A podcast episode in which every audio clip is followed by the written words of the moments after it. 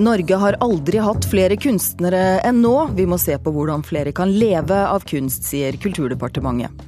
For første gang synstolkes teater via mobiltelefon. Nationaltheatret har testet ut ny mobilapp for synshemmede. Og var han høy og slank, eller kanskje kort og lubben? Nå vil forskere finne ut hvordan Olav den hellige faktisk så ut. Du hører på Kulturnytt i P2s Nyhetsmorgen med Elisabeth Tøtte Hansen i studio. Aldri før har det vært flere kunstnere i Norge enn nå. Antallet som ønsker å livnære seg av kunsten sin har økt kraftig de siste årene, og i dag finnes det om lag 22 500 malere, forfattere og andre kunstnere her til lands. Så det du akkurat så var vitne til nå, var en video eh, som jeg gjorde min første video. Og den eh, har fått følge av, eh, av eh, bilder, grafiske bilder som handler mye om det digitale. Masterstudent på Kunsthøgskolen i Oslo, Stein Are Kjærås Dahl, har akkurat vist fram en ny kunstvideo på skolegalleriet. Om ikke lenge er Dahl uteksaminert, og vil gå inn i statistikken over norske kunstnere. En statistikk med ei bratt oppoverpekende kurve så, så, har vi gjort et anslag på 22 500, som tilsvarer en vekst på, på ca. 18% siden 2006 til 2013. Sier samfunnsøkonom og forsker ved Telemarksforskning Knut Løyland. NRK har sammen med han telt opp hvor mange kunstnere vi har i Norge i dag. Gjennom å ha sett på medlemstallene i over 20 lag og organisasjoner og det tallet er høyere enn noen gang. Så lenge vi lever i en tid som, hvor utsiktene, økonomiske utsiktene er bra, så risikoen ved å begi seg ut i og teste et sånt kunstnerisk karriereløp er mindre i dag enn det var eh, tidligere. Så flere ønsker å, å se på mulighetene for å kunne livnæres også som, som kunstnere. De siste 20 åra har tallet på kunstnere økt med over 60% Men det er ikke lettere å klare seg nå enn før, sier kunstsosiolog og forfatter av ei rekke bøker om Kunstner-Norge, Dag Solhjell. Mens alle andre grupper har hatt en realøkning i sine inntekter, og den er betydelig, så har altså i alle fall billedkunstnerne, og jeg tror også de øvrige kunstnergruppene, de har stått helt stille. I dag står staten for lønn, stipend og oppdrag til brorparten av kunstnerne. Og budsjettene og institusjonene har blitt større og flere. Men med flere om beinet blir det likevel ikke mer lukrativt å vie livet til kunsten. Selv om stipendepotten har økt svært, svært sterkt, nærmest til det åttedobbelte, så har altså det blitt spist opp av økningen i antall mottakere. Med ny regjering er det allerede kommet endringer i hvordan pengene skal fordeles. Garantilønna er byttet ut med nye typer stipend, og statssekretær i Kulturdepartementet Knut Olav Åmås vil ha mer uavhengige kunstnere. Det er krevende for mange å jobbe, leve av kunsten sin.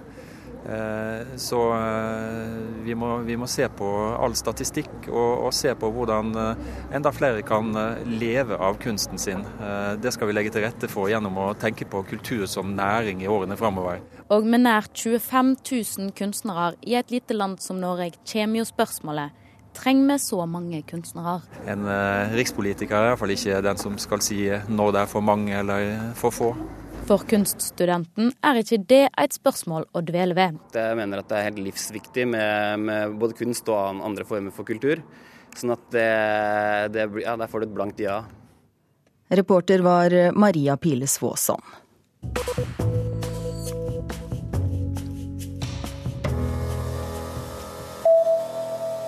Tysk politi har nå identifisert nærmere halvparten av de 1400 kunstverkene som ble funnet i en leilighet i München i februar i fjor.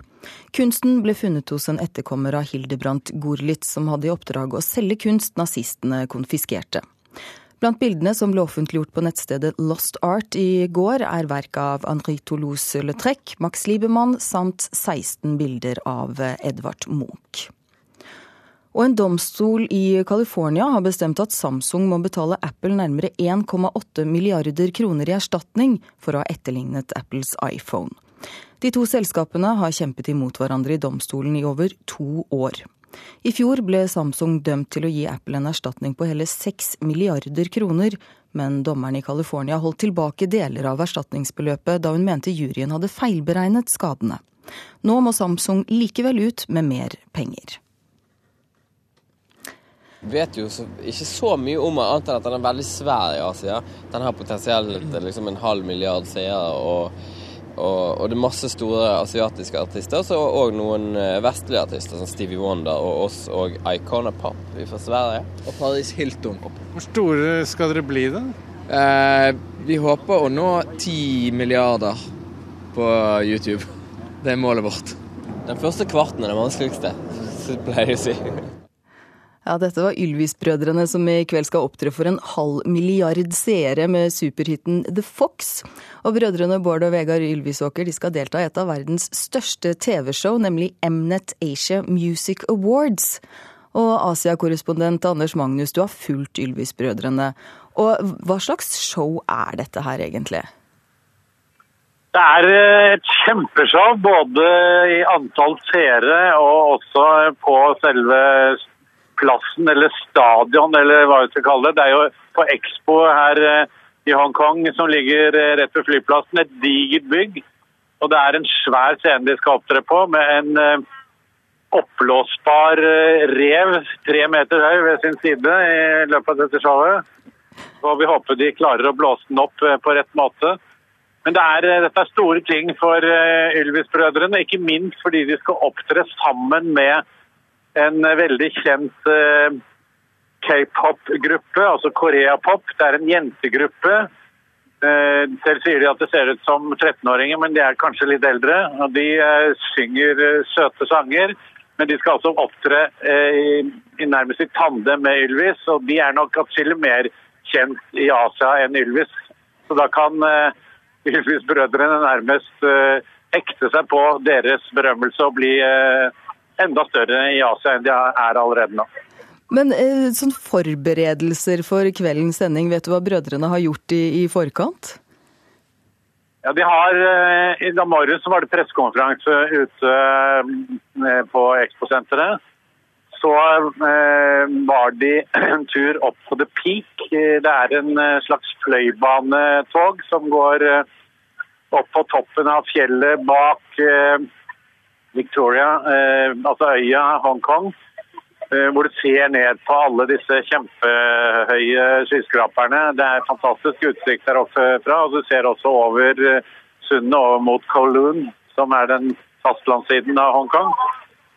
Men de hadde ikke så god tid. da. De måtte straks ned igjen, og så var det ut på, på stedet hvor de skal gjennomføre en del prøver før de går på den røde løperen i kveld. og showet begynner. Og i kveld så er det altså dette kjempeshowet. Hvilke muligheter kan det gi eh, Ylvis-brødrene for å gjøre det stort i, i Asia? De eh, kan jo håpe på enda flere treff på YouTube og salg av uh, sangen sin. Den, uh, den, har jo vært solgt uh, ganske mye allerede. Akkurat nå så ligger den på førsteplass i Filippinene bl.a. Men de kan jo håpe på bedre Eh, markedsføring i eh, særlig land som Sør-Korea, Japan og Kina, Hongkong, eh, Taiwan, som jo er de markedene som dette showet først og fremst retter seg mot. Ja, Så etter kveldens opptreden så kan det altså bli store og voldsomme seertall og flere hit på YouTube for Ylvis-brødrene. Takk skal du ha, Asia-korrespondent Anders Magnus.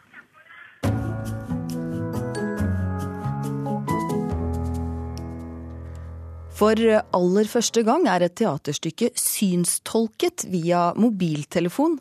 Nationaltheatret har testet ut en ny mobilapp som skal gi blinde og svaksynte et mer helhetlig inntrykk av oppsetningene, og i går fikk ti synshemmede oppleve Hedda Gabler på scenen med synstolking på øret. For nå skjer det ingenting. Det er bare sånn der, uh, rar lyd. Det er viktig med testing når teater skal bli sydstolka via mobiltelefon for aller første gang. Om du dobbeltklikker nå på den der det ikke skjer noe, presis? Mm. Brakk gir Hedda en flaske champagne. Ja, nå hører jeg. Nå hører du. Hedda går. Gjennom appen Movietalk blir skildringer av det som skjer på teaterscener, formidla til Liv Åse Skeide, som er blind. Ti personer med synshemming er på Nationaltheatret for å oppleve Hedda Gabler fra scenen og gjennom øretelefoner. Jeg har vært på teater tidligere, men da har man alltid vært avhengig av at en scene formidler hva som skjer. Nå håper Skeide at denne appen vil gi henne en oppleving som likner det en seende får med seg på teater. Jeg håper at jeg får mer med meg av essensen som skjer underveis. da, fordi en scene får jo både med seg det verbale som skjer, men også atmosfæren og det visuelle og effekten og sånn. Hedda, se her. Dette er det jeg snakket om på reisen.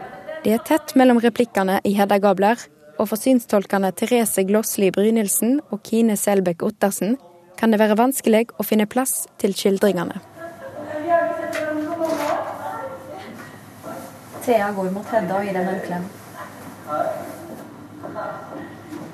Hun klemmer Jørgen. Tolkene sitter i et glassbur høyt over scenen og følger med på hva skuespillerne gjør. Halspastiller og flasker med vann står parat. Dette er live-tolking, og det er ikke rom for feil. Eh, det å sitte og bla i manus underveis for å finne de riktige tingene underveis i stykket nå, det, det går på en måte ikke. Det vi ikke får gjort nå, eller gjør nå, det kan vi ikke endre. Du, forresten. Mm. Teatersjef Hanne Tømta tror en slik tilrettelegging vil være positiv for utviklinga til Nationaltheatret. Nationaltheatret trenger egentlig å forbedre seg i mange ting, men spesielt med det å åpne huset opp og være tilgjengelig for eh, flere publikummere. Og nettopp eh, denne måten å tilrettelegge forestillinger for synshemmede på, eh, er ikke blitt gjort før. Og når vi fikk muligheten til å prøve det ut, og teknologien har kommet dit at det finnes rett og slett en sånn app eh, som kan fortelle på øret hva som foregår på scenen, så så, så vi det, på det som en ja, gave. For Liv Åse Skeide betyr det mye at kulturtilbud blir gjort tilgjengelig for de med synshemming. Det betyr jo veldig mye at en kan uh, få muligheten til å gå på teater som alle andre, altså som scene. At man kan henge med på samtalen i lunsjrommet på jobb og snakke om ulike teaterstykker. Og har du sett Hedda Gabler, og så man, har man en felles uh, ramme og noe å diskutere rundt, da. Reporter var eh, Kristin Foland. Klokken er eh, nærmere 16 minutter over åtte. Du hører på Kulturnytt, og her er noen av de viktigste sakene i nyhetsbildet nå. Redningsmannskaper i Latvia leter etter overlevende. Minst 18 mennesker har mistet livet etter at taket på et supermarked raste sammen. Paret som er mistenkt for å ha holdt tre kvinner fanget i London i 30 år, er løslatt mot kausjon og sentralisering av politiet i Danmark har ført til dårligere dekning utenfor byene, sier dansk politi.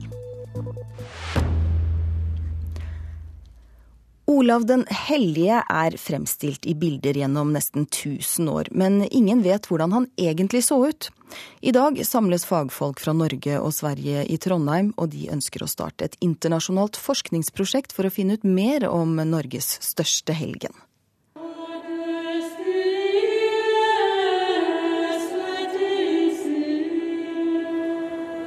Ser vi det vi kaller Olavsfrontale. Øystein Ekroll, forsker i Nidaros domkirkes restaureringsarbeider, sitter på kne bak alteret i Nidarosdomen. Ekroll peker på maleriet som forteller om Olav den helliges siste døgn. Midt i bildet står en høyreist mann med skulderlangt hår. Ser vi Olav som helgen. altså Han har en, han har en glorie, og han er altså har krone, han er konge. Flere glassmaleri i Nidarosdomen viser Olav som helgen, men på utsida av katedralen på østfronten står en annen versjon av vikingkongen. Der er det ikke helgenen, men der er det krigerkongen. Han står med sin øks i handa, og under føttene tråkker han da på et eh, vesen som er en blanding av et dyr og et menneske. Norges største helgen er fremstilt i bilder gjennom nesten 1000 år på så mange ulike vis.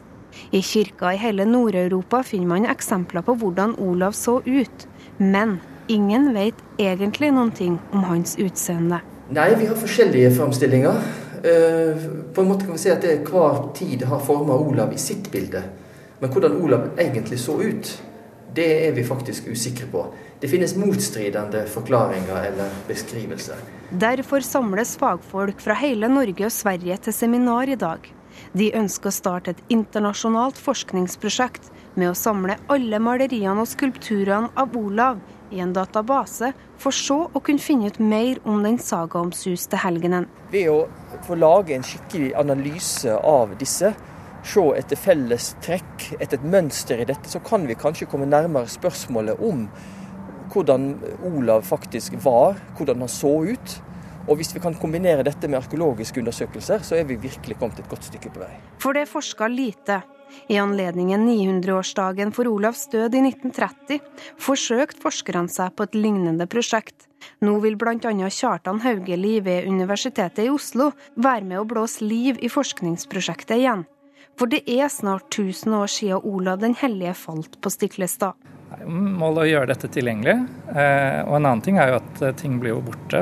Det, kirker eh, forsvinner. En av de fine Olavsundstillingene fra Sødra Råda i Sverige, den gikk tapt for 20 år siden i brann. Så det, det, er jo også viktig å få dokumentert dette mens det faktisk fortsatt finnes. Så nå har man sjansen til å lage en samlende oversikt over alle de mange tusen Olavsfremstillinger som finnes, og som ingen har oversikt over i dag. Jeg håper å bli klokere. Eh, delvis på hvordan Olav ble oppfatta til forskjellige tider i løpet av middelalderen. Og kanskje, hvis vi er heldige, så klarer vi å komme fram til litt mer av kjernen i dette. Hvordan var Olav som person, og kanskje også hvordan så han ut.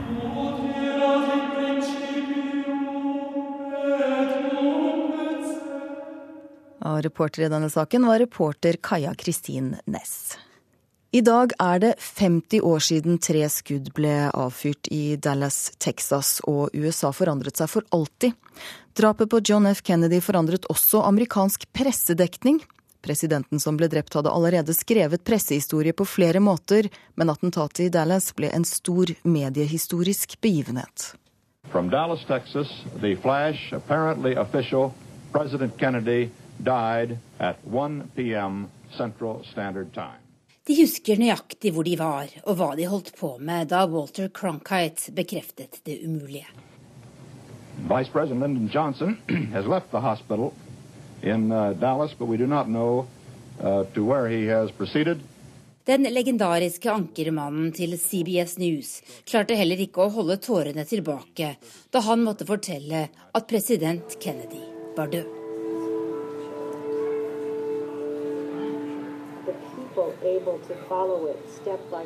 Til nyhetsmuseet The Newseum i Washington har amerikanere og turister kommet i hopetall de siste ukene for å se utstillingen 'Tre skudd ble avfyrt'.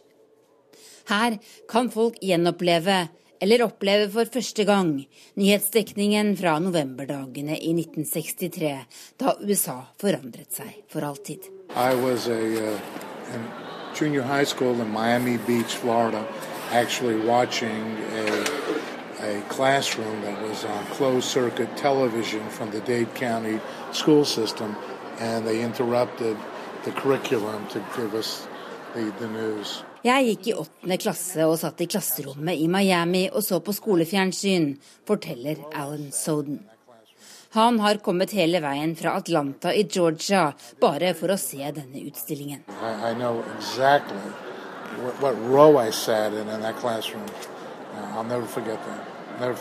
Jeg husker nøyaktig hvor jeg satt i det klasserommet. Jeg glemmer det aldri, forteller han. I was at Channel 10 TV in Providence, Rhode Island. I was a copywriter. I thought I remember somebody running down the corridor from the newsroom saying they just got a teletype that the president was dead. Jeg var sekretær for en lokal TV-stasjon i Rhode Island, forteller Marie. Hun husker godt hvordan drapet på Kennedy samlet alle amerikanere på ett sted, foran TV-apparatene. Oh, I remember the whole thing. That's all we did. We watched TV for. I worked for four days in a row. I think when you see the footage of that day, no matter Ansvarlig for utstillingen ved Museum, Patty Rule, sier hun vil vise hvordan USA har endret seg. You know, really kind of Dette var den dagen nyhetsmediene gjorde akkurat det de skulle. De informerte og roet ned den nasjonen som de første timene ikke ante hva som foregikk. I løpet av fire dager viste nyhetsmediene hva som skjedde. De fulgte begivenhetene direkte, og folk så på. Alle så på. De fikk også se et drap på direkten. Da Lee Harvey Oswald ble skutt av nattklubbverten Jack Ruby mens han ble ført gjennom politihovedkvarteret i Dallas. Not since the burial of the unknown soldier 40 years ago in Arlington Cemetery has there been so many foreign dignitaries in Washington. Så kom begravelsen. På lille John juniors treårsdag. Bildet av den lille gutten som gjør honnør til farens kiste, er blitt beskrevet som det mest ikoniske i amerikansk mediehistorie. Certainly, um, that the Kennedy family were really savvy about the use of imagery and the use of photographs of their family. Um, this is a very young family that was in the White House for the first time in many years. De var en veldig mediekyndig familie, forteller Patty Rule, og viser fram ukebladforsider av Jackie og John Kennedy med barna fra årene før Det hvite hus. Museet vil på jubileumsdagen vise dekningen av Kennedy-drapet direkte, slik den var for 50 år siden. Sa utenriksmedarbeider Tove Bjørgaas. Kulturnytt i dag fikk du av Halvor Haugen, Lars Tronsmoen og i studio Elisabeth Tøtte Hansen.